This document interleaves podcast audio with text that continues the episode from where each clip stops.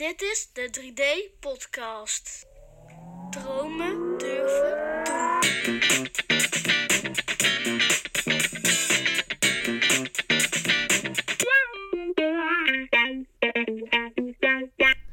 Welkom bij een nieuwe episode van 3D Podcast Dromen durven doen.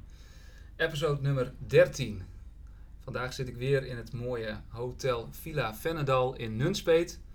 Een heerlijke locatie midden in een bosrijk gebied waar we een eigen eh, salon hebben. En vandaag heb ik afgesproken eh, met iemand die eh, een internationaal motocrosser was. Heeft op hoog niveau gereden en heeft helaas een ongeluk gehad waardoor hij in een rolstoel is gekomen. En daarbij een mindset heeft gecreëerd om toch door te gaan, om toch alles uit het leven te pakken en zelfs nu trainer en coach is. Ik ga in gesprek met eh, Dave Versluis. Welkom Dave. Dankjewel. Leuk eh jou ontmoet te hebben. Ja, insgelijks. En fijn dat ik er eh, ja, bij mag zijn. Ja, top. En ook leuk dat ik jou via de Unbreakable Academy, waar jij nu werkzaam bent, Ja, klopt. Want ten tijde dat wij, nou ja, of dat je mij een bericht stuurde, toen was je gewoon member? Of toen was je al in de... In de, in de... Ik heb eh, mijn eerste semester van mijn laatste studiejaar heb ik stage gelopen bij Unbreakable. Ah, zo. dus zodoende. Ja. En eh, dat ik jou berichtte, was ik net weer opnieuw aan het werk. Oké. in dienst. Oké, gaaf, Dus gaaf. zodoende. Nou, daar gaan we ook even over spreken. Ik heb Ja. al het, eh, de luisteraars die hebben de Unbreakable Academy al veel voorbij horen komen. Ik heb natuurlijk al wat meer mensen mogen spreken uit van de community. En nou eigenlijk iemand eh, zelf van de Unbreakable Academy. Oh, dus leuk, dat, vind, ja, ik, eh, dat vind ik echt super gaaf. De eerste vraag die ik altijd stel is: eh, wat was jouw droom als, als, kleine, als kleine jongen? Mijn droom was om wereldkampioen te worden in de motocross als kleine jongen. Dat wist jij al, al heel vroeg? Ja, dat is in het begin wel mijn droom geweest, inderdaad. Ehm, vandaar dat ik ook op jonge leeftijd begon met, met motocross. Ik was drie. En toen eh, begon die droom eigenlijk. Ja, en zo is dat vanuit een hobby eh, doorgegroeid naar een levensstijl. Drie jaar? Maar Ja. vertel mij even, mijn nichtje is drie, die, die Ja. kan nog niet eens fietsen. Hoe begin je op drie jaar met eh motocross? Nou, mijn vader die was ook eh crosser. Oké, En ik ging natuurlijk mee in, als kind zijnde. En op een gegeven moment was ik dus drie jaar. En toen zei ik tegen mijn pa van, ik wil ook crossen. Dus mijn pa zei toen van, nou dat mag, dat is goed. Maar dan moet je eerst zonder zijwieltjes leren fietsen. Dus ik had... eh, hè, Je kon ik, niet eens fietsen? Ik, kon Nee. nog niet eh, zonder zijwieltjes fietsen. Maar ja, dat moest ik eerst kunnen voordat ik een eh, Ja. crosser kreeg. Ja. Dus ik die weken daarna oefenen, oefenen, oefenen. En binnen twee, drie weken was het gelukt. Dus toen reed ik zonder, zonder zijwieltjes op de fiets. Ja. Ja, en toen eh, zei mijn vader van, nou dan eh, krijg Mag je een pitbike ja, of een... ja, dat is een eh, PW50. Dat is echt een, ja, een heel klein Suzuki, motortje. Zo'n ja, ik weet niet precies. Kan best. Ja, Ja. Suzuki of Yamaha. Ze zijn, eh, zijn, zijn vaak blauw. Maar eh, ja, zodoende ja, ben ik, kreeg ik een motor en ben ik begonnen met rondjes eh, rijden in de achtertuin. Zo, Ja, op drie jaar. Jeetje. ja, Ja. ja. Dus ja, dus dan ga je steeds beter en beter rijden natuurlijk. En ervaar je dat je talent hebt. En dat je steeds harder gaat en harder gaat. Dus dan ga je steeds zwaardere klasses en moeilijke toernooien en wedstrijden. Maar even, even terug. Je vader race al, dus je was al vaker bij wedstrijden Ja. en of bij eh, evenementen en zo. Ja, Maar vanaf welke leeftijd mag je echt eh, gaan, gaan rijden, gaan crossen? vijf. Vijf jaar. Ja, ja. dan mag je wedstrijden rijden. En dan over van die bulten? Ja, dus echt motocross. Dus Ja. het is eh, echt ja, afgelegen, hebt race, dus een rondje ja. van die ovaalrace. Ja. afgelegen circuits. Inderdaad met bochten en jumps en eh, in het zand en in het modder. En, En dan Ja. vijf jaar mag je al over zo'n ding rijden. Ja. Oh, jongen, Ja. jongen. Ongelooflijk. inderdaad, dus zo begon, dat, eh, begon die droom eigenlijk. Dus dat was eigenlijk al de droom dat jij dacht, ooit wil ik gewoon wereldkampioen. Want is je vader, heeft hij op hoog niveau gereden? Nee, het was gewoon hobby, hobbyniveau. Oh ja. Dus ik heb hem... eh, ik ben daarin wel wat, wat qua hoger niveau gekomen Ja. uiteindelijk. Ja. Hey, en ehm, hoe ben je opgegroeid? Heb je broers, zussen? Hoe was je Ik had een zusje. Ja. Zusje die is twee jaar, anderhalf jaar jonger. En eh, ja, mijn moeder erbij. Dus met z'n viertjes. En ehm, was je vader ook iemand van eh, winnaarsmentaliteit? Of hè, weet je, hij sprak je droom een beetje uit, maar was het dan ook iemand, hè, hij, hij stelde je verplicht van eerst fietsen, dan Mhm. motorrijden. Maar ook, hoe, hoe is jou dat in je jeugd meegegeven, wat doelen betreft? eh, Ja, het is, eh, je, je houdt natuurlijk altijd een hele speciale dynamiek tussen vader en zoon of, eh, of ouder kind als je een topsport gaat doen. Dat blijft toch ja, bepaalde andere verstandshouding denk ik dan dat dat niet zo is. Tuurlijk hebben ze mij gewoon opgevoed als kind zijnde en gewoon hè, vrij losgelaten in dingen. Maar als het aankomt op het sporten, ja, dan werd er op een gegeven moment, terwijl ik ouder werd, wel dingen van mij verwacht. En ik denk in de jeugd, in de, eh, dat is eh, ja, tot en met eh 8, 9 jaar, 10, dan is dat nog gewoon heel erg vrijblijvend hè, en gewoon leuk en Ja. hobby. Maar ja, op een gegeven moment ga je beter rijden, je gaat, er gaat meer geld in, er gaat van alles komt erbij, verwachtingen hè, en, en ook wel druk om te presteren. Dus daarin zie ik wel dat er ja, bepaalde druk op is gekomen. Zeker eh, toen ik 14, 15, 16 was, omdat ik natuurlijk ook zag dat mijn ouders daar heel veel tijd en energie Ja. in staken. En ik ook. Alleen soms eh, kwam het er niet altijd uit of je had gewoon een slechte wedstrijd. En daarin merkte ik wel van, oeh, dat geeft wel bepaalde druk als ik daar nu achteraf naar kijk, die misschien niet helemaal gezond is. Maar is ja. die druk ook nodig, denk je? Om ja, dat denk ik ook eh, te wel. kunnen bereiken? Ja, ik denk dat je daar bijna niet omheen kan. Nee. Ja. Maar ik zie wel, ehm, ik, ik ben wel eens wat van naar die wedstrijden geweest, of dat je bij de TT ziet, maar die jongens echt met een caravan, een Ja. kar. Eh, nou ja, het is niet alleen Nederland. Eh, je gaat Duitsland in en misschien wel richting Tsjechië, of weet ik veel waar ik wel eens hoorde. van Ja, heel. Europa. Dus, dus je Ja. ouders die, die hebben best wel een opgave natuurlijk. Ja, absoluut. Trainen, wedstrijden, overal naartoe. Ja, ja, dus voor hun werd het op een gegeven moment ook. eh, en dat vind ik altijd een mooie vergelijking om te maken. Het begint als een hobby, maar het is op een gegeven moment gewoon een levensstijl geworden. Want alles draaide om de, om de cross. Zeker voor mij, maar ook voor mijn ouders. Ja, En eh, zelfs voor mijn zusje, want die ging ook altijd ja mee. want We dat vragen. Hoe was als- dat voor je zusje? Ehm, die heeft dat volgens mij wel als, als oké ervaren. Gewoon als van, hè, we gaan ervoor en eh, ik ondersteun Dave daarin, mijn broer. Eh, maar zij is wel altijd ook haar eigen ding gaan doen. Zij deed gewoon hockey en eh, vond daar haar plezier zeker in. Maar op een gegeven moment heeft zij dat ook wat meer losgelaten en is meer haar eigen ding gaan doen. Maar goed, de aandacht en het geld en de, de, de dingen, dat ging me voornamelijk wel naar mij toe. Ja. ja. Ja. Ja. Hey, en vanaf welk moment, want je was vijf en je ging wat beter rijden en, en op een duur tien, Mhm. wa- waar is dan het, waar zit dat punt dat je naar van hobby naar beter naar prof of topsport gaat? Want, Toen ik tien was, of elf, toen reed ik mijn eerste Europese kampioenschap. zo, toen al. Dus toen, eh, hè, toen hadden we een camper en gingen we heel die reis maken. Twee uur onderweg in de auto.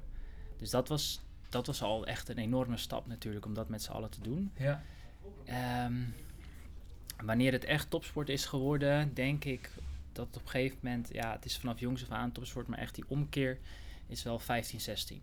Denk ik. Ja, voor mij. Want omdat je dan op een gegeven moment, hè, zie je de vrienden om je heen, die gaan eh, allerlei andere dingen doen en die gaan stappen en die gaan feesten en, en hè, of, of voor een studie, ik noem maar iets. Ja. En dan zie je jezelf dat je zo gefocust blijft op hetgeen wat je aan het doen bent, op je, op je, op je, op je topsport, zeg maar. Dus ik denk dat daar voor mij de omkeer was van oké, ik ben nu echt bezig met een doel behalen, een topsport. En daarvoor moet ik gewoon heel veel doen en ook laten. ja Dus want toen is dat ehm, voor mijn idee en voor de luisteraar, wat moet je ervoor laten? Want je, het is niet alleen rondjes rijden dus. Nee, het heeft ook te maken met dat je natuurlijk buiten de rondjes rijden, de motortraining, de wedstrijden, eh, conditioneel trainen, krachttraining.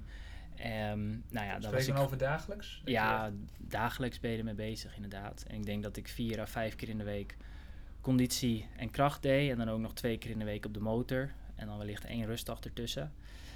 Maar daarbij had je ook nog de onderhoud van de motoren.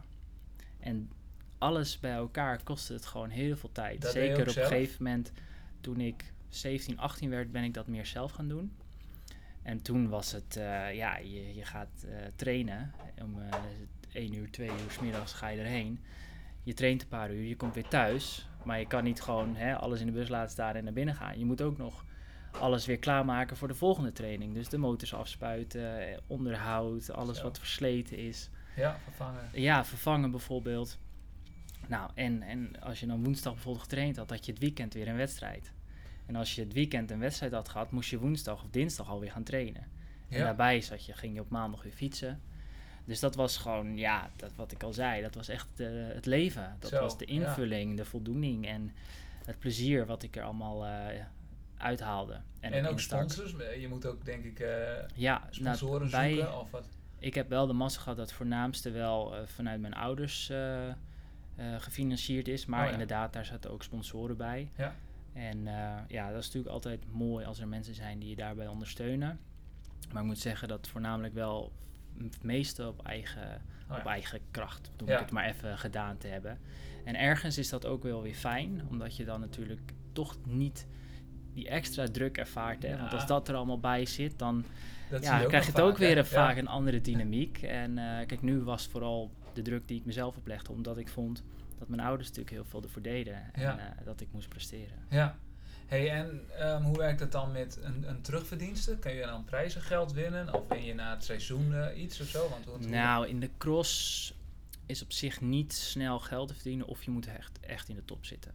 ja, maar dan krijg je een eh, sponsorcontract. ja, dan zit eh, je in de top 10 van de wereld. Oké. Ja, dus top 15. En dan zijn er ook nog wel andere Europese kampioenschappen waar betaalde rijders rijden. Maar dat is niet, ja, niet te vergelijken met een, eh, met een, eh, een wat, wat voor de hand liggende sport zoals eh, voetbal of tennis. Of, Dus die weg is best wel lang. Ja, zeker. En Zonder dat een terugverdienste. Het is alleen de Ja. eer en, en proberen in jouw klasse dan de beste te zijn. Ja, zeker. Of je moet echt op een gegeven moment op het punt komen dat je zo goed bent dat je inderdaad die contracten krijgt. Ja, Jeetje. ja.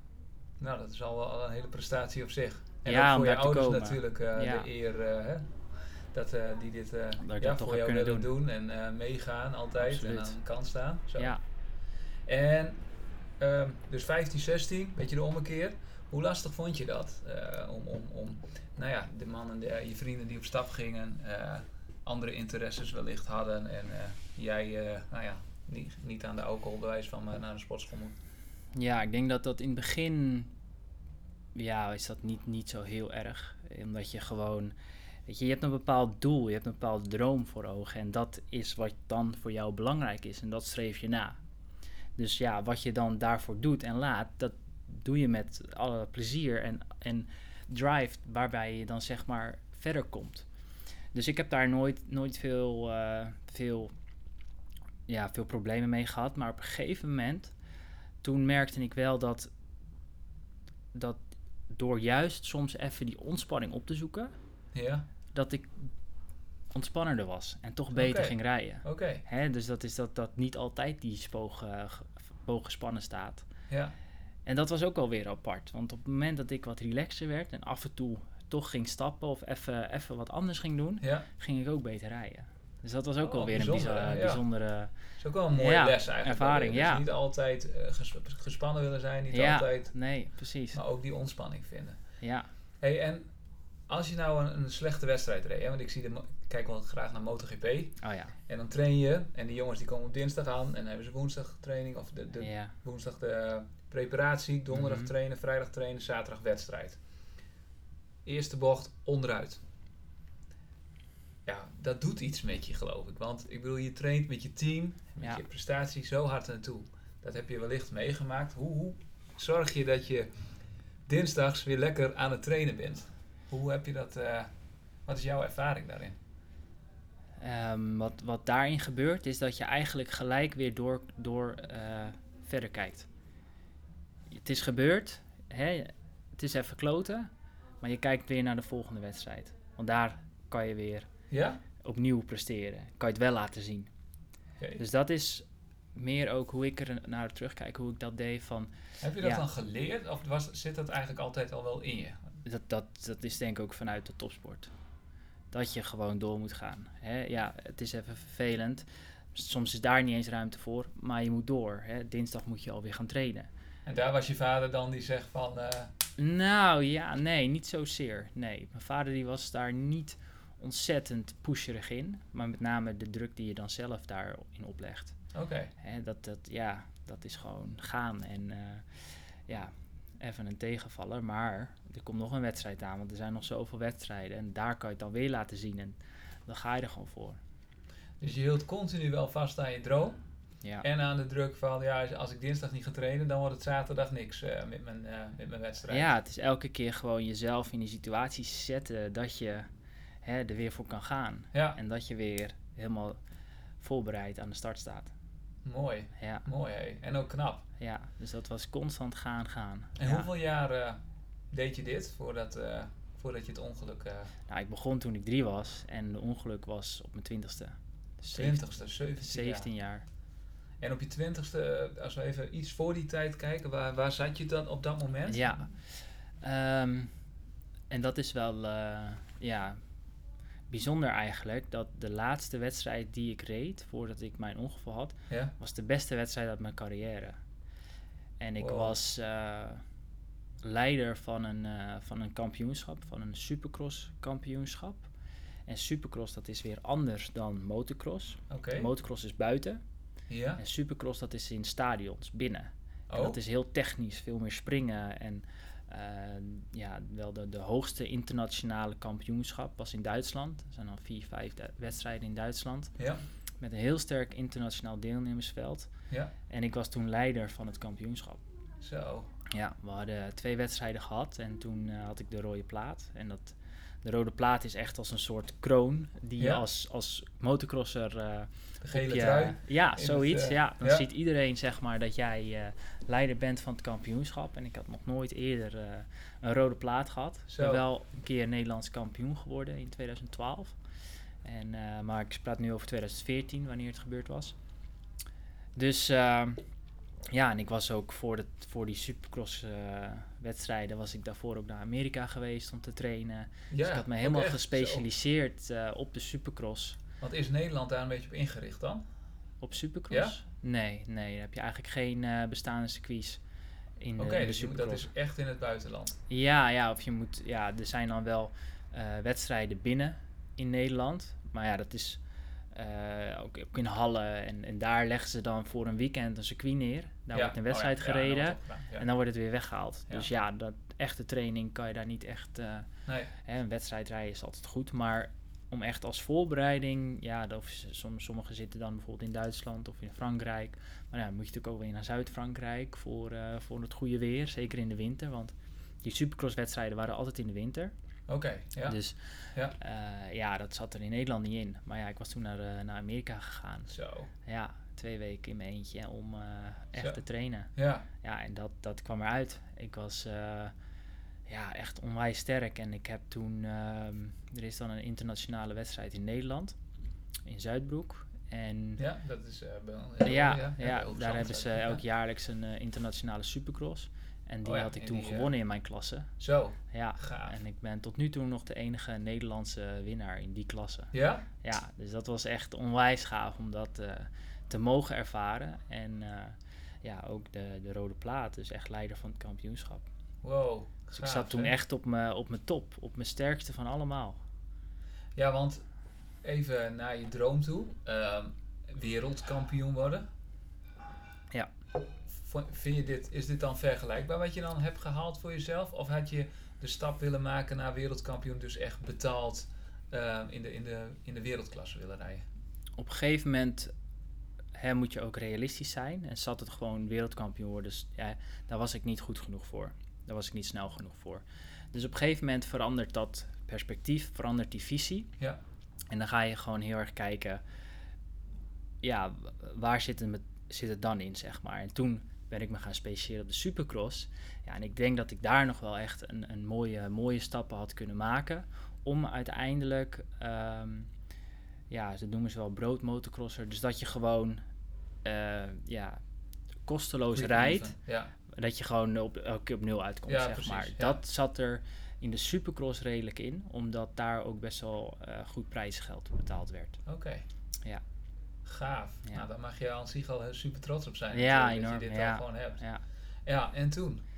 Dat was de, daarna de wedstrijd. ja ik was... ehm, er waren, er waren twee wedstrijden geweest. En toen was ik dus leider van het kampioenschap.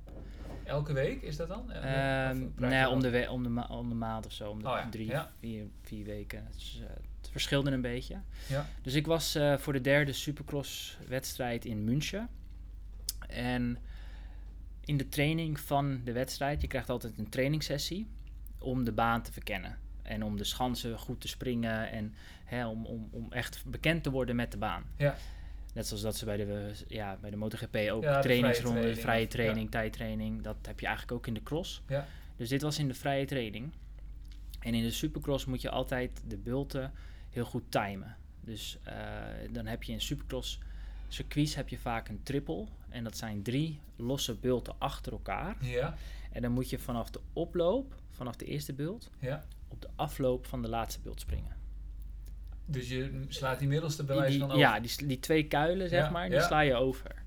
Maar ja, dat moet je precies goed timen. Want als je te ver springt, ja, dan, dan kom je op platte neer. En als je te kort springt, kom je tegen de oploop. Ja, Dus daar, dat is altijd spannend met, met Supercross. Dat is, want even eh, voor de luisteraars en mij, hoe hard ga je erop af? Ja, dat, kijk, het is heel kort en draaiend. Maar ja, het, gaat echt om, je gaat een hoek om. Je hebt, je hebt eh, misschien twee meter en dan is het al een, een, een bult van eh drie, vier meter hoog, hoogte, wat heel steil is. Zo, Ja, dan Drie, schiet je. Ja, schiet je echt de lucht in. ja. nou, nog Dus- hoger dan drie, vier meter. Dus je bent zelf wel... ja, je je zit op zit zes eh, meter. meter hoogte, ja. Ja, ja, oké. Dus eh, en qua, qua echt snelheid, qua, qua topsnelheid, dat, dat, dat, ja, dat, daar kijken we nooit zo naar. Nee, het is meer echt kort, het heel kort koppelkrachtig. Ja. Dus er lag daar dus ook een triple. En in de tweede ronde van de, van de vrije training kom ik aan en ja, ik, eh, ik draai de bocht om en ik geef gas en ik spring hem perfect. Van de oploop vanaf de eerste beeld op de afloop vanaf de, naar, zeg maar, de laatste beeld. Ja, Dus ik denk, nou, dan weet ik een beetje welke snelheid ik heb en eh, hoeveel gas ik moet geven, dus dat zit goed. En de derde ronde wil ik het weer doen, maar ik neem nu de bocht voor de bult een ander spoor. En terwijl ik door die bocht ga en uitkom, merk ik dat ik wielspin krijg. Maar ja, als je wielspin krijgt, dat is hetzelfde als je met de auto op sneeuw gas geeft, kom je ook niet vooruit. Nee, nee. Dus dat had ik ook. Nou, en misschien voel je me al aankomen. En dat gaat natuurlijk zo snel. En ik wil spring alsnog door. Maar doordat ik dus wielspin had, eh, had ik te weinig snelheid. Maar ik ging ook nog eens voorover. In plaats van dat je gewoon Ja, eh, recht, recht omhoog, zeg maar, eh, in Precies, dezelfde ja. richting, ging ik voorover. Dus wat gebeurde er? Ik kwam vanaf drie, vier meter hoogte op de oploop van de laatste bult oei. ja, van drie meter hoogte met mijn borstkarst een hele harde klap gemaakt op mijn stuur. Ja, ik, ik viel gewoon echt als een doodgewicht van drie Ja, meter op mijn ja. stuur. En eh, toen lag ik op de grond. En het eerste wat je altijd wil doen als je op de baan ligt, is er vanaf. Ja. Want er komen nog meer rijders aan. Ja, Maar dat lukte niet. En het was alsof mijn beide benen gebroken waren. Maar ik voelde ze niet. nee. Dus het was een heel apart gevoel, heel lastig, heel moeilijk om te omschrijven ook. En eh, ik had een, een raar, dovend, tintelend gevoel vanaf mijn borstkast naar beneden. En op een gegeven moment was mijn pa er ook bij en eh, ik kijk hem ook aan en ik zeg tegen hem: Pa, ik voel mijn been niet meer. Ik voel mijn been niet meer, ze zijn gebroken of iets. Weet je, dus eh, Heftig, hè? ja, dus dat was echt eh, heel, heel bizar. Zo En dat was nog in de training, dus niet ineens in de wedstrijd. Nee, was in de training, ja. ja. Echt de En derde misschien ronde ook wel training. een beetje geluk wellicht, want in een training heb je nog veel meer mensen om je heen. Of maar is dat in zo'n... Mm, ja, of- nee, dat is niet per se geluk. Het- In een wedstrijd had het misschien nog erger kunnen zijn dat iemand nog over me heen was gereden. Of Ja, nou dat, daar zit ik even aan te misschien. denken ja, van... Ja, Ja, niet geluk, maar zo van, gadverdari, als, Ja. als je met twintig man daar in één keer ja aankomt. dat klopt, dat klopt. Oké, Ja. en daar lig je dan. Ja, Jeetje, Daar lag ik dan en toen was het echt zo van, ja, eh, komt het nog goed, weet je wel? Eh, wa- waarom is dit gebeurd? Eh, Ja. wat, wat betekent dit? En dat was heel apart. Op een gegeven moment, echt na 10 seconden dat ik daar lag, had ik de gedachte: oké, het is mijn beurt. Echt heel apart. Het is mijn beurt. En later ben ik daar toen ook over na gaan denken: van waarom dacht ik dat? Ja, En je ziet in de motocross regel, nou ja, regelmatig, je ziet dat het gebeurt. Dat, men, dat, dat bepaalde rijders in een rolstoel terechtkomen of in ergens geval zelfs overlijden. Hè, dat, dat kan gebeuren, omdat het natuurlijk gewoon een gevaarlijke ja, sport zeker. is. Ja. En later bedacht ik me zo van, ja, ik had zoiets van, ehm, het is mijn beurt om te laten zien dat ik hier sterk genoeg voor ben. Oké. Ja, dat, eh, dat was op een gegeven moment de gedachte van... Maar eh, had je, heb je dan het gevoel gehad van ik, er is iets nodig, een, een e- event of een gebeurtenis om te laten zien dat, dat, ja, dat ik dit ook aan kan of zo? Of hoe, hoe is dat, hoe kwam dat zo dan? Hoe, waarom, daar ben ik wel nieuwsgierig naar, dat je zegt van ja, dit is, ik wil laten zien dat ik hier sterk genoeg voor was. Heb je een idee waar dat dan vandaan komt?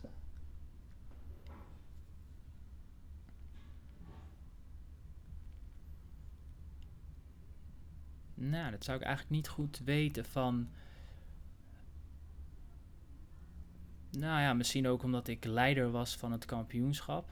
En dat ik daardoor zoiets had van, ja, ondanks ik dit nu heb, ben ik alsnog wel de sterkste. Ja, Ja, oké. dus ik denk dat hij daar een beetje vandaan komt. En eh, ja, ja, Dus gewoon laten zien van, eh, ik kan dit aan. Ja, ik Dus heb het, wel geen Nederlander had dit überhaupt al gered. Hè, deze zo ver wat je zei. Nee, in die klasse op dat Nee. moment niet, nee. Nee, klopt. Maar dus na 10 seconden dacht je van. Ja, ik had die gedachte inderdaad. Zo. Ja, ja maar dat is heel en- bizar. en- ja, echt ja. Maar Ja. ook wel weer heel krachtig, denk ik. Want Ja, ja, je had ook een ja, gedachte geweest van, nou, mijn hele leven is over nu. ja, Want eh, ja. Ja, mobiliteit, hè, ik denk er niet eh, altijd over na. Je Mhm. rijdt hierheen, je stapt uit de auto of je beweegt. ja, Maar als je het ineens niet meer hebt of kan. ja.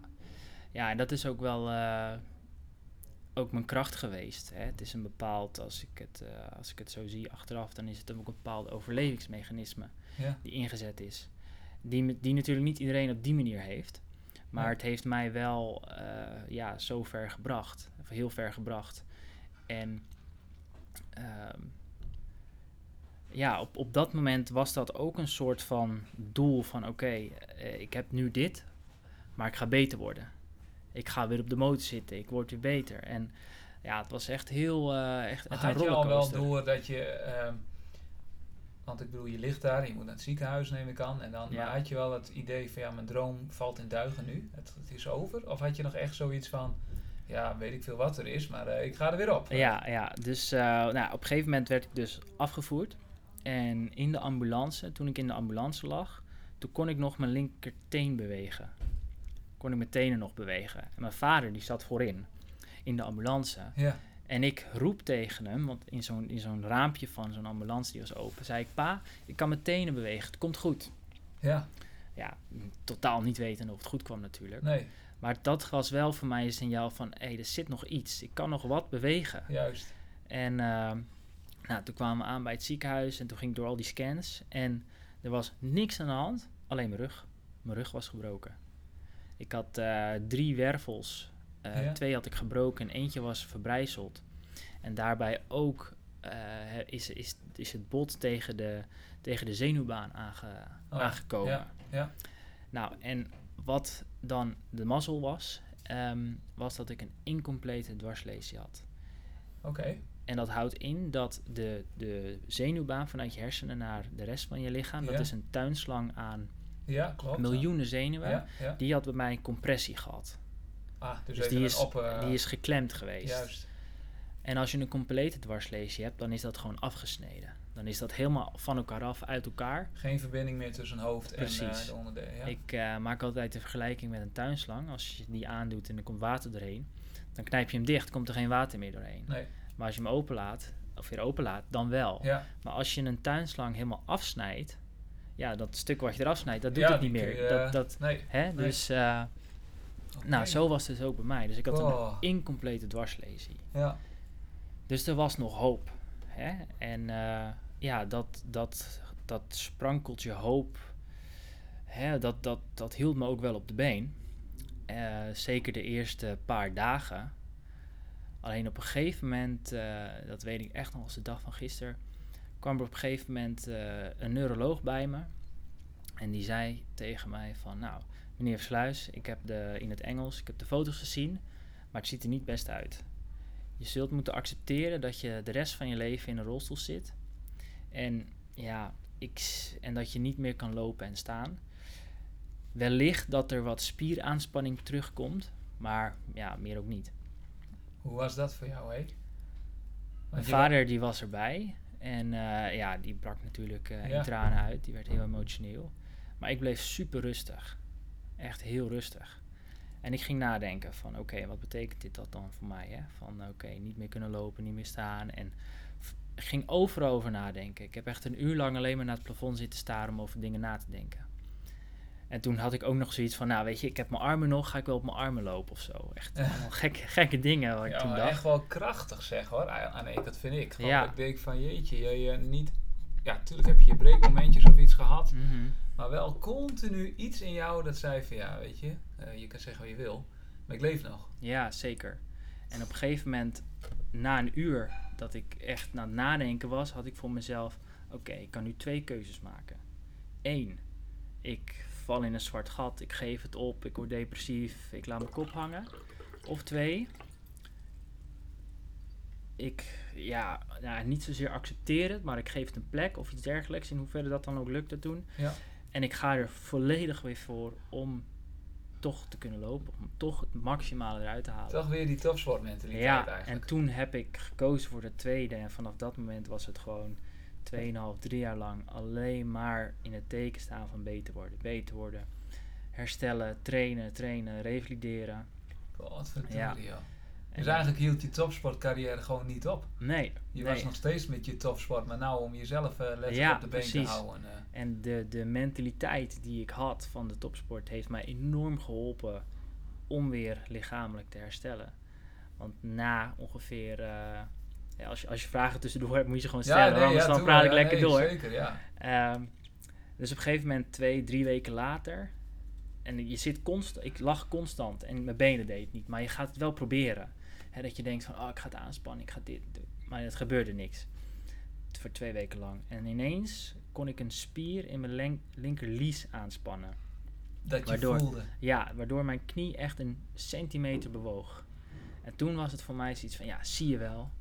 Het kan, het komt terug. Ja. Nou, en dat ging stapje voor stapje beter. En Want even, even teruggespoeld, je lag daar in Duitsland. Ja. Maar was je inmiddels weer in Nederland dan, in het ja, ziekenhuis? ja, ik heb eh, een weekje in Duitsland gelegen, in München. Ja. En toen hebben ze mij, eh, met vliegtuig hebben ze mij ge- weer naar Nijmegen gevlogen. Toen drie, vier weken lang in Nijmegen ziekenhuis. En toen ben ik daarna ben ik naar de revalidatiekliniek gegaan, eh, ook in Nijmegen. Oké. Ja, dus dat en toen in de revalidatiekliniek, dan, eh, ja, dan ga je weer Ja, op volledig nou, eh, ja. proberen te herstellen natuurlijk, Ja. om te revalideren. Ja, Maar dus ik, ik, ik probeer het dus even een beetje mee te denken. Maar was, heb je niet een, dat, die gedachte, hè, 10 seconden, oké, mijn beurt. Daarna, weet je, en je krijgt een boodschap. Waar komt die sterke mindset vandaan? Want ik kan me ook heel goed voorstellen dat anderen denken, jeetje, het komt gewoon nooit meer goed met mij. Niet meer rennen, niet meer voetballen, niet meer op die motor, eh, die droom, die vier Ja. duigen. Ja, waar komt het vandaan? Eh, dat zal verschillende factoren bij elkaar zijn. Het kan natuurlijk een stukje genetisch zijn, opvoeding, topsport. Eh, ja, dan ga je heel erg diep in op wat maakt iemand zijn persoonlijkheid eigenlijk. Hè? Maar het Nou ja, maar voornaamste... soms heeft dat wel herleidende zaken, waardoor hè, je, Mhm. je, je mindset kun je ook sterker maken. Hè? Ja. Dat is bij de Unbreakable Academy wat ze eigenlijk doen. ja, ja, Dus ergens vind ik het gewoon heel ehm, inspirerend dat dat bij jou er altijd al in heeft gezeten. Dus ergens ben ik een beetje op zoek van, ja, was je vader of je moeder of je, opa, Mhm. zat dat er dus altijd al in? Of had je, is het spiritueel bewijzen van dat je echt denkt van, ja, weet je, oké, dit is mijn missie. Hè? Dat kan ook nog... eh, Ja, ja. Nee, ik denk eh, een stukje aanleg ook. Mijn vader, die, eh, ja, als die iets, iets, iets tegen zit, dan is het gewoon gelijk oplossen en gaan, weet je wel. Dus daar zit een stukje uit. En ik denk ook heel erg vanuit de topsport. ja. Vanuit, die, vanuit jongs af aan al leren ergens voor te gaan en je in te zetten, discipline, het, het doorzettingsvermogen eigenlijk. eh, ja, die zijn trainbaar, absoluut. Gaaf. Nou ja, Stel verder, de coach straks toch ja, en eh, dat, dat heb ik natuurlijk. eh, ja, dat, dat heeft mij enorm geholpen natuurlijk om te herstellen. En Want Ja. je was gebleven, je voelde je, je in je lies, Ja. spier, je knie. En toen dacht je van, oké, als die gaat, dan gaat er meer. Ja, ja. En dus hè, je blijft trainen, je blijft bezig. En wat vanuit een ja, centimeter aanspanning in mijn, in mijn lies, daar begon het, is het uiteindelijk eh, zo ver gekomen dat ik mijn linkerdeel van mijn lichaam helemaal terug heb. Dus mijn linkerbeen, alles doet het, zeg maar, qua aansturing. Ja, Eh, alleen de kracht is iets minder. Omdat ik er ook minder op loop, omdat ik dat nog niet lukt. Maar, eh, en rechts is 30% van tegen, tegen, vergeleken met links. ja, Dus dat is nog wel een groot verschil. ja. En in rechts mis ik gewoon wel de aansturing om mijn been echt op een goede loopbeweging neer te zetten. En die kwam, dat, dat duurde ook heel lang voordat die terugkwam. Ja. Het duurde echt een paar maanden voordat ik daar voor het eerst wel wat spieraanspanning in terugkreeg. Ja, Hey, en ik- zit te denken, die dokter, heb je hem ooit nog gesproken of gebeld? nee, nee. We hebben wel... Maar wel eh, de foto's dan, want er zijn meer artsen die zeggen van ja, hè, weet je, nou oké, dit is, ze krijgen een rapport mee of een Ja. analyse van nou, dit is het. Ja. Hoe reageert de medici daarop? Eh, ja, ze zeiden toen wel van. eh, kijk, zij zagen natuurlijk ook wel dat het een incomplete dwarslesie was. Ja. Dus daar zit een, een, een kans Een dat er dingen kunnen herstellen. Maar ze kunnen natuurlijk nooit zeggen hoeveel. Dat, dat doen ze gewoon niet. Nee, Het enige wat zij hebben aangegeven is wat zij zien. En er waren ook inderdaad neurologen die gewoon wel enigszins optimistisch waren. Van nou, dit is er aan de hand. Je hebt een incomplete dwarslesie. En volgens mij hebben ze een per- percentage gezegd dat mijn, dat mijn beknelling uiteindelijk nog, nog voor 15 of 35 procent goed was. oh ja, ja. Maar ja, ik hang me er niet aan op, dat weet ik niet precies meer. Hè, dus, maar er waren, die, die lieten het gewoon heel erg in het midden. Van, Ja. nou, dit is er aan de hand en verder weten we het gewoon niet. Je kan Nee. daar geen uitspraak over doen. Nou ja, ja hè, toen was er uiteindelijk wel iemand die er een uitspraak over, over deed, maar dat was de negatieve kant op. Ja, precies. Maar ja, dat is op dat moment wel waar je, hè, dat is kennis, dat is een, Ja, iemand met expertise waar je eh, wat op dat moment de waarheid kan zijn. Ja, Hè? Maar ja, dat kan ook, moet je je voorstellen, hè, als je mindset over mindset hebt, als je zo'n boodschap krijgt Ja, en jij hebt één sprankeltje hoop, die kan daarmee onder, eh, onderuit zijn gehaald. precies. Ja. Ja. Zo. Ja. Dus eh, ja, dat zijn natuurlijk ook weer allerlei lessen uitgekomen uiteindelijk. Maar eh, ja, dat, dat- en dat is ook het aparte. Dat ik op een gegeven moment zo benieuwd was naar waarom doe ik dit op deze manier?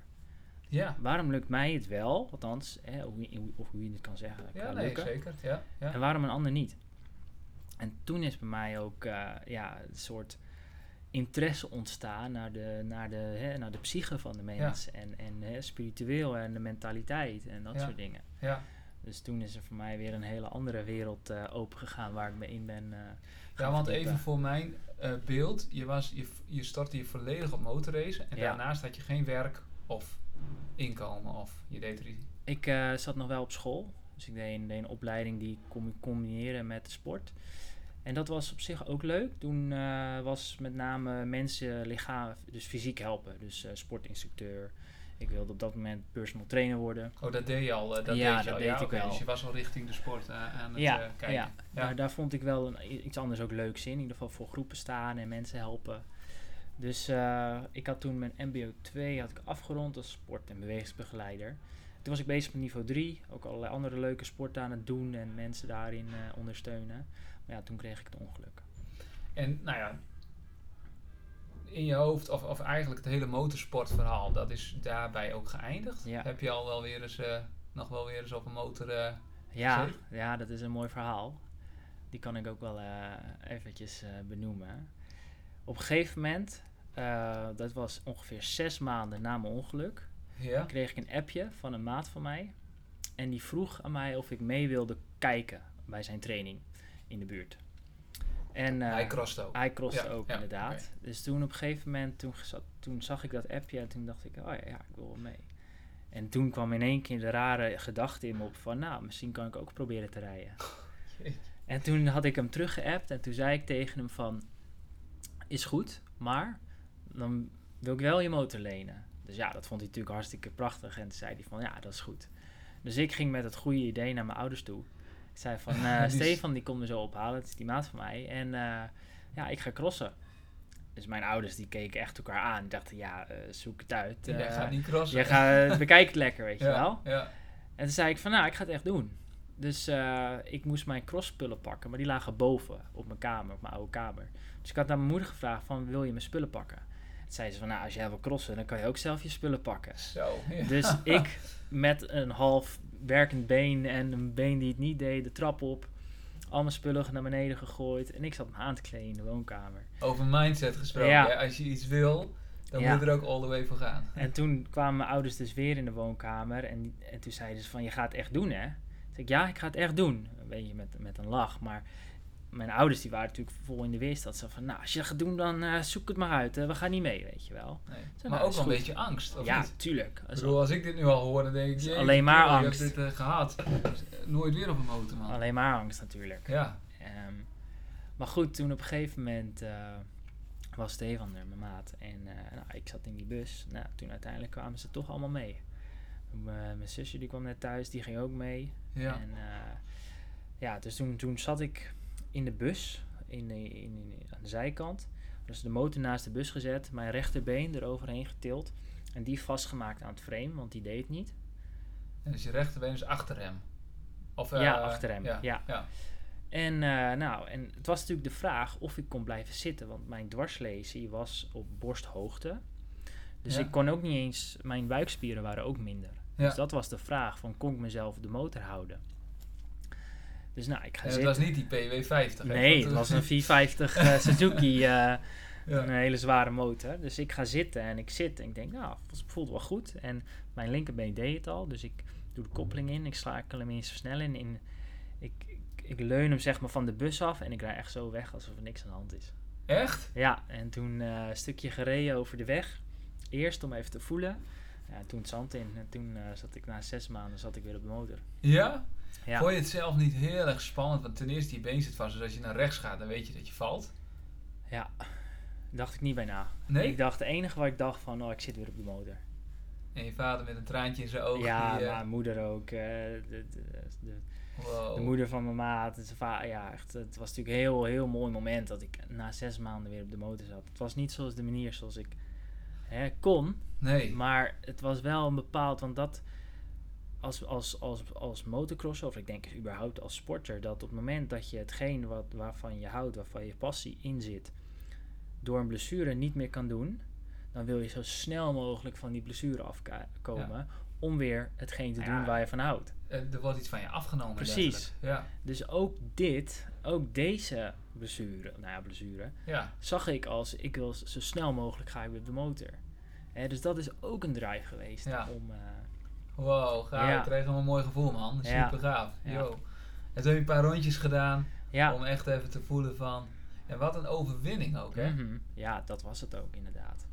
En daarna heb je hem dus, eh, nou ja, aan de kant... eh Nee, wij zijn toen, eh, wij hebben toen nog een, een motortje hadden we, een 125 cc'tje, die hadden we toen weer opgebouwd om op te gaan rijden. En toen, nou, ben ik daar een eh, paar keer op gereden. Toen hebben we uiteindelijk een, een nieuwe motor gekocht met een elektrische start. En allemaal beugels gemaakt voor mijn rechterbeen. Ja. Zodat ik nog regelmatig zou gaan crossen.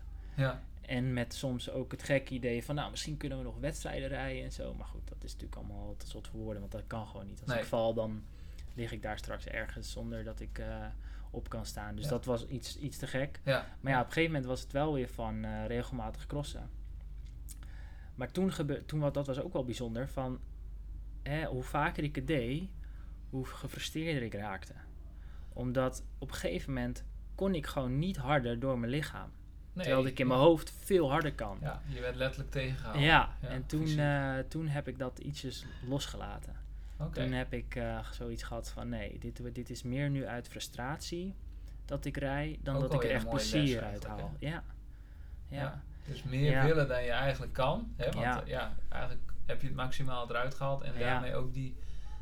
En die koppel ik meteen wel weer een beetje aan wat je in het begin zei van ons gesprek. Van om beter te worden, en dan kunnen we het even overal trekken, moet je soms ook even terugnemen. Terugstappen. Hè? De rust. Het- ja. Dus, wow, mooi. ja, dus toen, eh, En toen heb je gezegd van, oké, nee, toen heb ik van, eh, ik ga me op dingen focussen, of op bepaalde sport focussen waar ik in wel volledig mijn dingen in kwijt kan, zonder dat ik daar beperkt in word in wat in mijn dwarslezing. juist. Ja. Ja.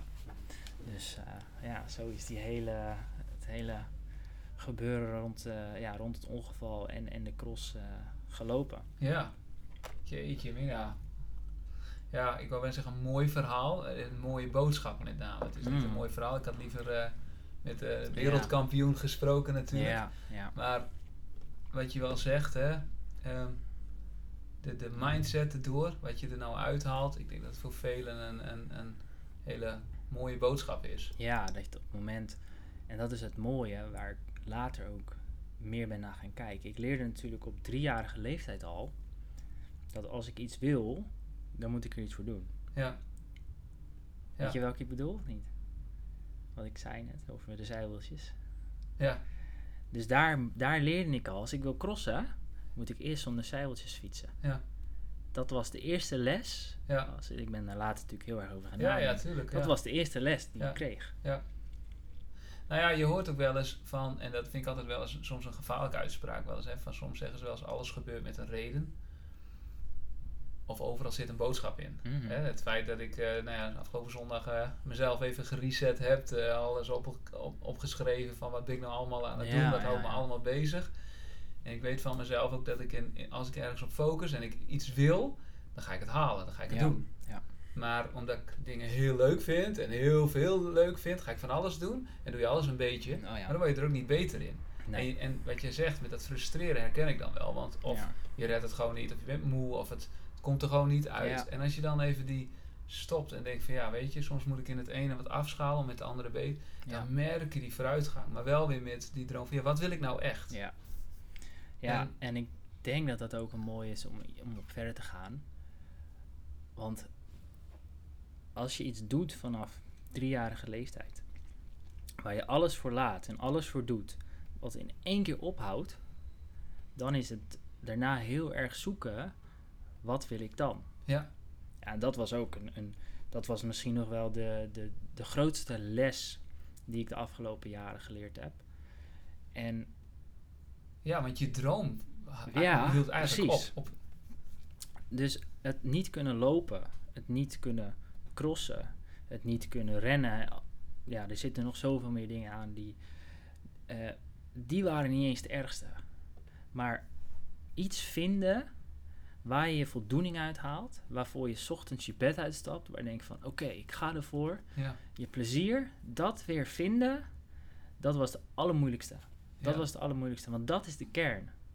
100%. En, en dan kan je nog zoveel dingen, dingen mooi hebben en allemaal doen, of juist niet hebben. Maar als die kern er niet is, ja, dat, dat, dan wordt het zo lastig. ja, En dat was ook een hele, ja, een hele weg die ik heb moeten ontdekken eigenlijk.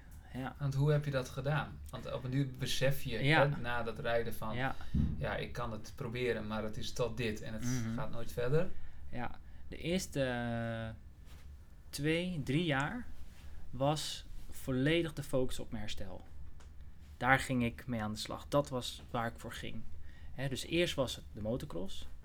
Toen was het mijn herstel. Het, het krachtig zijn, het sterk zijn, het Eigenlijk weer een doorgaan. nieuwe droom, hè? Ja, ik wil weer... ja, eh, klopt. ja, Inderdaad. En toen dat een beetje, op een gegeven moment, ze geven een dwarslesie twee, drie jaar. En dan is het meeste herstel wel zich afgelopen. Maar goed, ik ging alsnog door. ja, Maar het meeste zat, zat er op dat moment wel op. En toen ging ik dus andere sporten proberen. Ik ging rolstoelbasketballen. Ik kwam in de selectie van de rolstoelbasketbal. Ik wilde naar de Paralympische Spelen. Eh, nou, uiteindelijk kwam ik erachter dat eh rolstoelbasketbal was een teamsport. Nou, dat was, lag mij niet, omdat ik natuurlijk altijd een individuele sporter was. Ja. Ehm, dus, de- dus die liet ik weer gaan.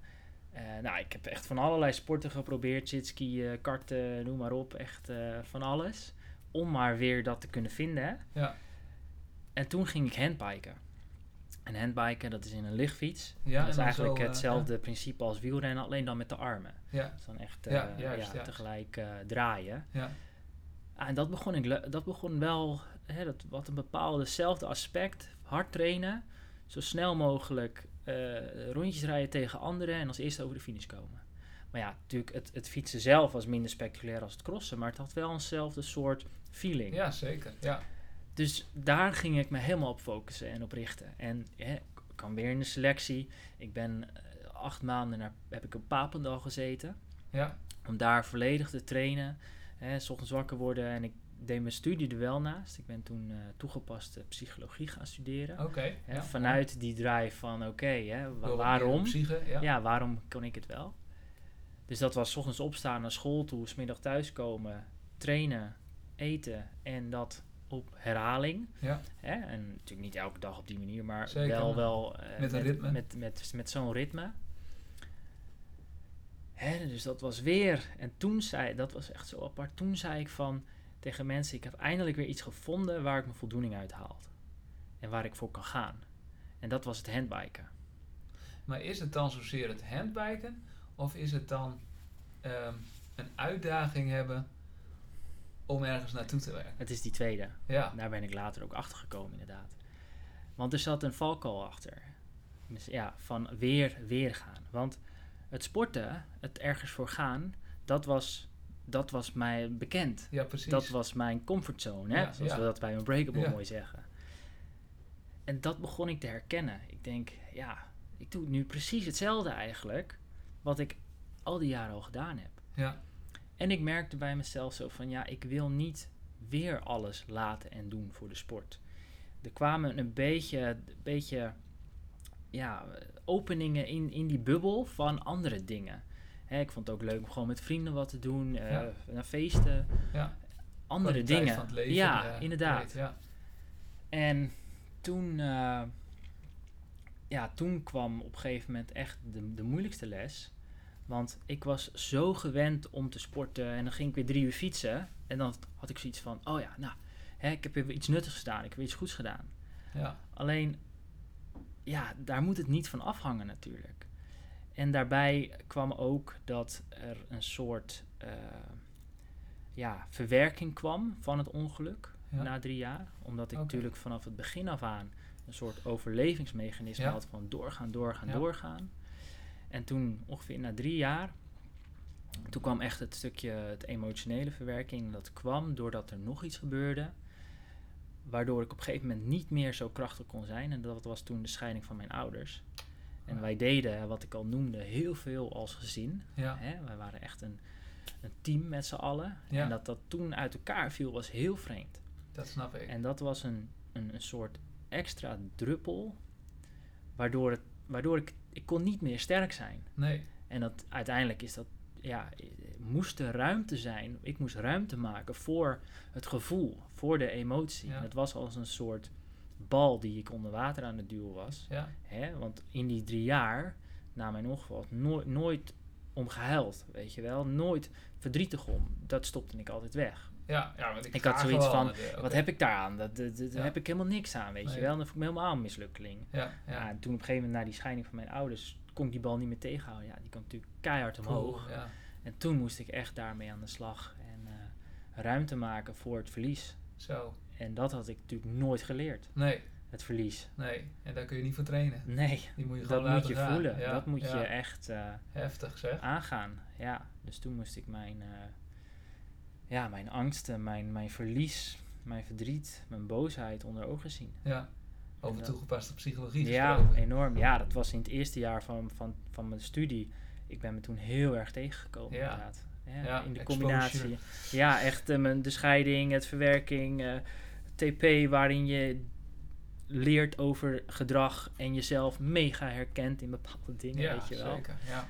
En eh, ja, dus, dus En wat is daar je grootste les in geweest? Of wat heb je daar het, de, wat is je grootste les die je daaruit hebt gehaald? ja, ehm, Of je mooiste les? Ja, dat me, de, de, de persoon wie je bent, je identiteit hangt niet af van wat je doet, maar om wie je bent.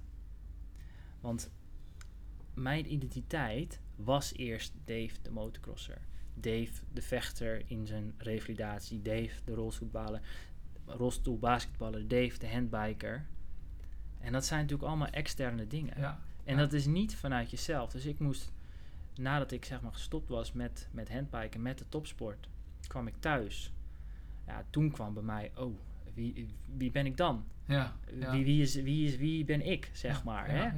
Ja. En toen ben ik teruggegaan naar de kern van, of eigenlijk teruggegaan, mijn kern van wie ik ben weer gaan herontdekken. Hè, want dat is zo vertroebeld door allerlei dingen die je in je leven hebt meegemaakt. Natuurlijk de topsport, het ongeluk, eh, al Ja. die andere dingen. Ja. Ja, dus daarin moest ik echt eh, hè, tijd met mezelf spenderen om ja, mezelf weer terug te Ja, wie vinden. is Dave als persoon? Precies, wie Ja. ben ik als persoon? En ja, dat is, een, dat is ook een stukje hè, emotionele, spirituele reis die echt ontzettend, ontzettend gaaf is. En heel, heel mooi ook, wat Ja. ik daarin heb eh, mogen ervaren en kunnen vinden. Ja. Ja, dus, dus zo is het hele riddeltje van, eh, van, van mijn driejarige leeftijd tot nu eigenlijk eh, Zo. gegaan. Want, want tussen het ongeluk en, en nu, hoeveel jaar zit daartussen? Bijna acht. Nu acht jaar Ja, inmiddels. ja. Waarvan je dus nog eerst drie jaar knoeterad hebt doorgezet. Precies, ja. Daarna echt, eh, nou ja, een jaar wat je zegt, echt tot jezelf bent gekomen. Ja, Zo. ja. En het laat, laatste paar, laatste jaar, laatste anderhalf jaar is echt het, het, dus het spirituele pad eh, enorm gegroeid, wat ook ontzettend mooi is. En Ja. daar, daar heb ik ook heel veel, ben ik heel veel door van aan het leren. En, Hey, en wat, want, eh, wat doe je nu? Je, we hebben al even verteld, maar niet Oh ja, ja. iedereen, want ik heb het altijd over Unbreakable Academy. ja, ja, maar ja, goed, zeker. eh, misschien kun je even kort nog... eh, Ja, tuurlijk. toelichten. Dus nou, ik ben natuurlijk weer ik ben gaan studeren, toegepaste psychologie. Ja. Ehm, en in mijn laatste jaar moest ik op zoek naar een stage. En toen kwam ik eh Unbreakable tegen. Dat is wel grappig, grappig hoe dat ging. Als ik, kan ik dat even verder Ja, toelichten? zeker. Ja, Ja, hoor. als er Ja. ruimte voor is. Ja. Ehm, ik werkte eh, als derdejaars als studentassistent voor tweedejaars tip toegepaste psychologie studenten. Oh ja. En ik moest een evenement organiseren waarbij we oud eh, TP'ers, oud studenten van toegepaste psychologie, uitna- uitnodigen om wat te vertellen over wat ze doen nu, zeg maar, of waar ze nu werken. ja, ja, ja. En toen kreeg ik contactgegevens van Rutger, een, eh, een werknemer bij Unbreakable. En die ging dus wat vertellen tijdens dat evenement over de Unbreakable. En toen dacht ik van, ah, dat klinkt eigenlijk wel heel erg gaaf wat ze doen. Want goed. hij was een oud student. Ja, hij Ja, heeft ook juist. toegepaste Ja, oké, psychologie, eh, psychologie gestudeerd. En eh, dus, dus, dus dat was me altijd wel bijgebleven. En ik had voor mezelf al een heel plan gemaakt dat ik bij eh, dat ik een, ik had een andere stage gevonden en daar wilde ik eindigen en zodat ik daar ook kon werken. Dus ik had het al helemaal klaar, maar voor mijn eerste semester moest ik nog een stage hebben. Dus toen heb ik Rutger gemaild van nou dit en dat is nog stage. Ja. Is er iets wat ik, wat ik zou kunnen doen? En toen zei hij van, nou, dat is wel, eh, ja, we, we hebben er wel oren naar, maar we moeten even kijken of het past. Ja. Nou, er ging een tijd overheen en op een gegeven moment was ik in Amsterdam en ergens waar ik totaal nooit kom. En toen kwam ik Rutger tegen op straat. Of het zo moet zijn, hè? Ja. ik geloof daar wel in. Ja, ik ook. Ja. Dat had zo moeten zijn. Ja, Ja. En zo is dat, eh, toen ben ik op gesprek gekomen en eh, de stage begonnen, ontzettend naar mijn zin gehad. En eh, ja, was het eigenlijk, ik ging toen weer weg, omdat ik mijn tweede semester ergens anders had. Ja. En toen was het al een soort van eh, ongeschreven van dat ik weer terug zou komen en dat was wederzijds. Nice. Dus eh, ja, sinds je, denken, 1 juli begon. ja, daar. jullie volgens mij. Ja, ja. wanneer je contract... ja, gaaf. Ja. En wat doe je daar? ehm, Want Unbreakable Academy voor de luisteraars, hè, het is, het is, ik ken het van natuurlijk, eh, het is van Sander Aarts, hè, die heeft het gestart samen met een paar anderen nog. Ja. Ehm, een community hebben ze, waar Ja. gewoon leden bij zijn, modules over mindset, eigenlijk alles een beetje ge- gerelateerd aan Special Forces, of de lessen die ze eruit hebben gehaald. mhm. Maar daarnaast hebben ze dus nog heel veel activiteiten. Nou, daar heb ik vorige keer met Frank ook al Ah, even over gesproken, over de 72 uur, de Oh, ja. 12 uur. Ja. Maar wat is jouw rol daar eh, dan? Wat, wat eh, doe jij? Ik ben coach, Oké. dus coach mensen. Ja. Hè, als zij komen bij Unbreakable. Eh, trainer. Dus we geven ook bedrijfstrainingen aan hè, bedrijven. Waarin we de, de, de, ja, de dingen die, zoals focus of hè, dingen omgaan, teamdynamica, allemaal dat soort dingen. Ja. Daar trainen we dan mensen in. Dat doe ik vaak met, met een collega waar ik dan bij zit. En dan coachen we eigenlijk de, de teamprocessen die, aan de hand, die wij zien. En ja, Oh daar is mooi. natuurlijk alweer heel... Gebruiken we dan eh, bepaalde oefeningen voor. Ja. Nou, dat is natuurlijk super interessant wat voor gedrag er dan naar boven komt. Ja. Daar coachen, coachen we dan eigenlijk ook op. Maar ja, je noemt de trainer omdat je voor een groep staat. Ja. Ehm, daarbij ben ik ook als coach bij de 12 hours. En, hè, dus het is echt een, een coach- en trainerrol. Maar de kern is mensen helpen. Juist. Hè? Dus mensen... ja, en volgens mij is dat ook echt jouw missie. Ja. Als ik dit nu, eh Ja. inmiddels hebben een uur eh, erop zitten. ja, Maar volgens mij is dat ook echt, eh, als je zegt van ja, wat, waar, waar ben je hier voor? Wie? En is dat ook echt jouw om mensen van dit stukje ja stukje zeker, weet je. En, Die eh, zijwieltjes afdoen en, eh, ja. en. Ja, dus zij wil echt, echt ja, de, de beste versie van jezelf worden. Ja, En dat is mijn persoonlijke drive. Hè? Ja. Ik, de, de, de, de beste versie worden. Ja. En dan is het super mooi dat ik daarin anderen kan helpen. ja, En eh, met wat ik heb meegemaakt, wat ik geleerd heb, weet ik gewoon, ik kan mensen helpen hiermee.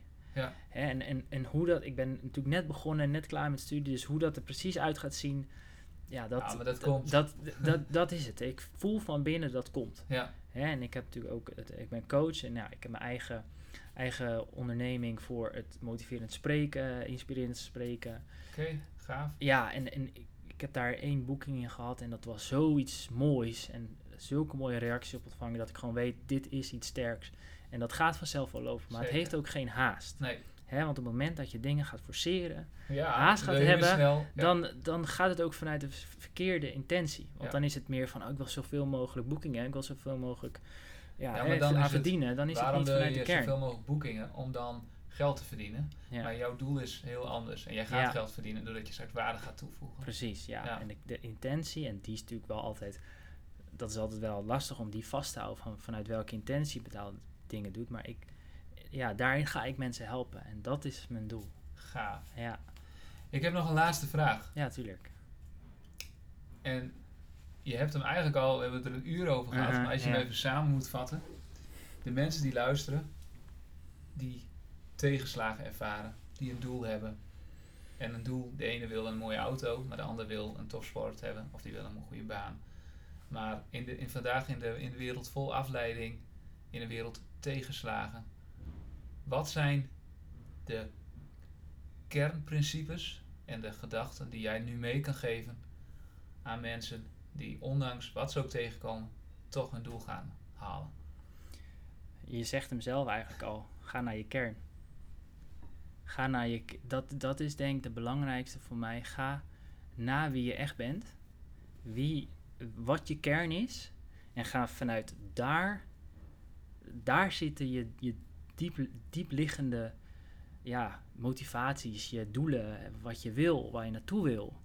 En als je die helder hebt en vanuit die motivatie en intentie dingen gaat doen, dan dat is de stap. Hè? Dus, dus echt vanuit binnen naar buiten toe. In plaats van ver- verderop zie je een doel waar je naartoe wil. Hè? Daar wil je naartoe. Hè? Tuurlijk, dat is een soort. Dat is natuurlijk ook wel een beetje die topsport van daar naartoe gaan. Zeker, maar nu tuurlijk. zie ik hem heel erg van ga vanuit je kern leven en kijk dan waar je heen wil. Mooi, Ja, hele mooie boodschap. Ja. Als mensen jou meer van jou willen weten Ja. en jou willen boeken of willen horen, waar eh, moeten ze naartoe? Hoe kunnen ze jou vinden? Ze kunnen mij vinden op LinkedIn, gewoon eh Deversluis. Even sluis. En, ja, ik zal een eh, linkje toevoegen. Ja, en eh, voor het spreken kunnen ze naar www.talentspreker.nl. En daar zit ik als, als spreker bij, bij aangesloten en ben ik te boeken. Oké. ja. Nou, wellicht eh Ja, en ook ook, een linkje van neerzetten. Ja, bedankt voor het vragen en dat ik hier al, hè, daarin enigszins wat reclame kan maken voor mezelf. Tuurlijk, Ja. zeker. Daar doen we dit ook voor. Maar met name echt een uur lang zonder boekje. Ja, eh, was even wel van, eh, ja, we zeiden al in de auto, hè, we hebben één keer gebeld van, goh, hoe gaan we doen? We gaan het gewoon zien. En eh, echt een heel gaaf gesprek. Ja, dankjewel ook voor de uitnodiging en dat ik dit mag doen. Super, dankjewel. Dromen, durven, doen.